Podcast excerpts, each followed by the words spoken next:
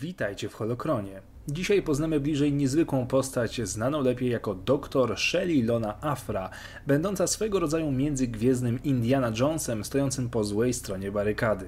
Zapraszam.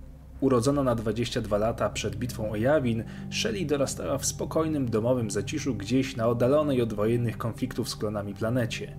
Ojciec naszej bohaterki, badacz niemalże zapomnianego i tajemniczego zgrupowania o nazwie Ordu Aspektu, będącego dawno wymarłym odłamem zakonu Jedi, poświęcał się swojej pracy kosztem wychowywania córki.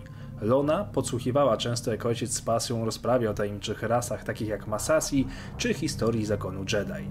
Coraz większa obsesja ojca doprowadziła do rozpadu małżeństwa i tak mała Shelley wraz z matką zamieszkała na leśnej planecie gdzieś na zewnętrznych rubieżach.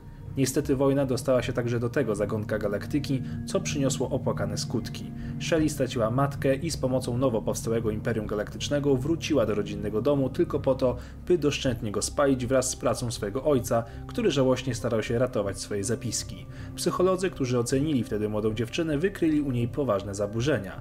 Afra jednak dopiero się rozkręcała. Dziewczyna zaczęła studiować historię galaktyki i starożytnych cywilizacji, by zostać archeologiem z prawdziwego zdarzenia. Dzięki grantowi naukowemu, który otrzymała od Imperium na Uniwersytecie Barlew, Afra powoli spełniała swoje marzenie. Poznała także wielu nowych przyjaciół, jak i narobiła sobie wrogów. Była jednak przekonana o tym, że otrzyma tytuł doktorski. Jej projekt na zaliczenie był bardzo ambitny. Podróż na Boti 7, zapomniany świat, gdzie znaleźć miała dowody na istnienie pradawnej rasy ukryte w podziemnym skarbcu. Ten niestety, podobnie jak i cały system jaskiń, okazał się być pusty. Afra postanowiła więc sfałszować wyniki i długo potem jej wielkie odkrycie zapewniło jej tytuł doktora.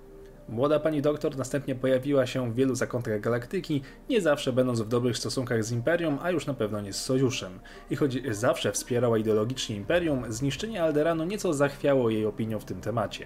Nie miało to jednak znaczenia, bo niedługo później miała mieć nową fuchę u jednego z ważniejszych oficjeli nowego porządku.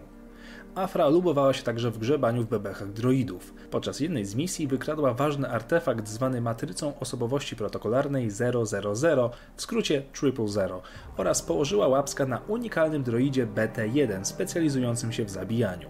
Matryca powstała wiele dziesięcioleci temu i była niezwykle niebezpieczna, będąc osadzona w droidzie protokolarnym, który zamieniał się w wyrachowanego droida zabójcę specjalizującego się w torturach.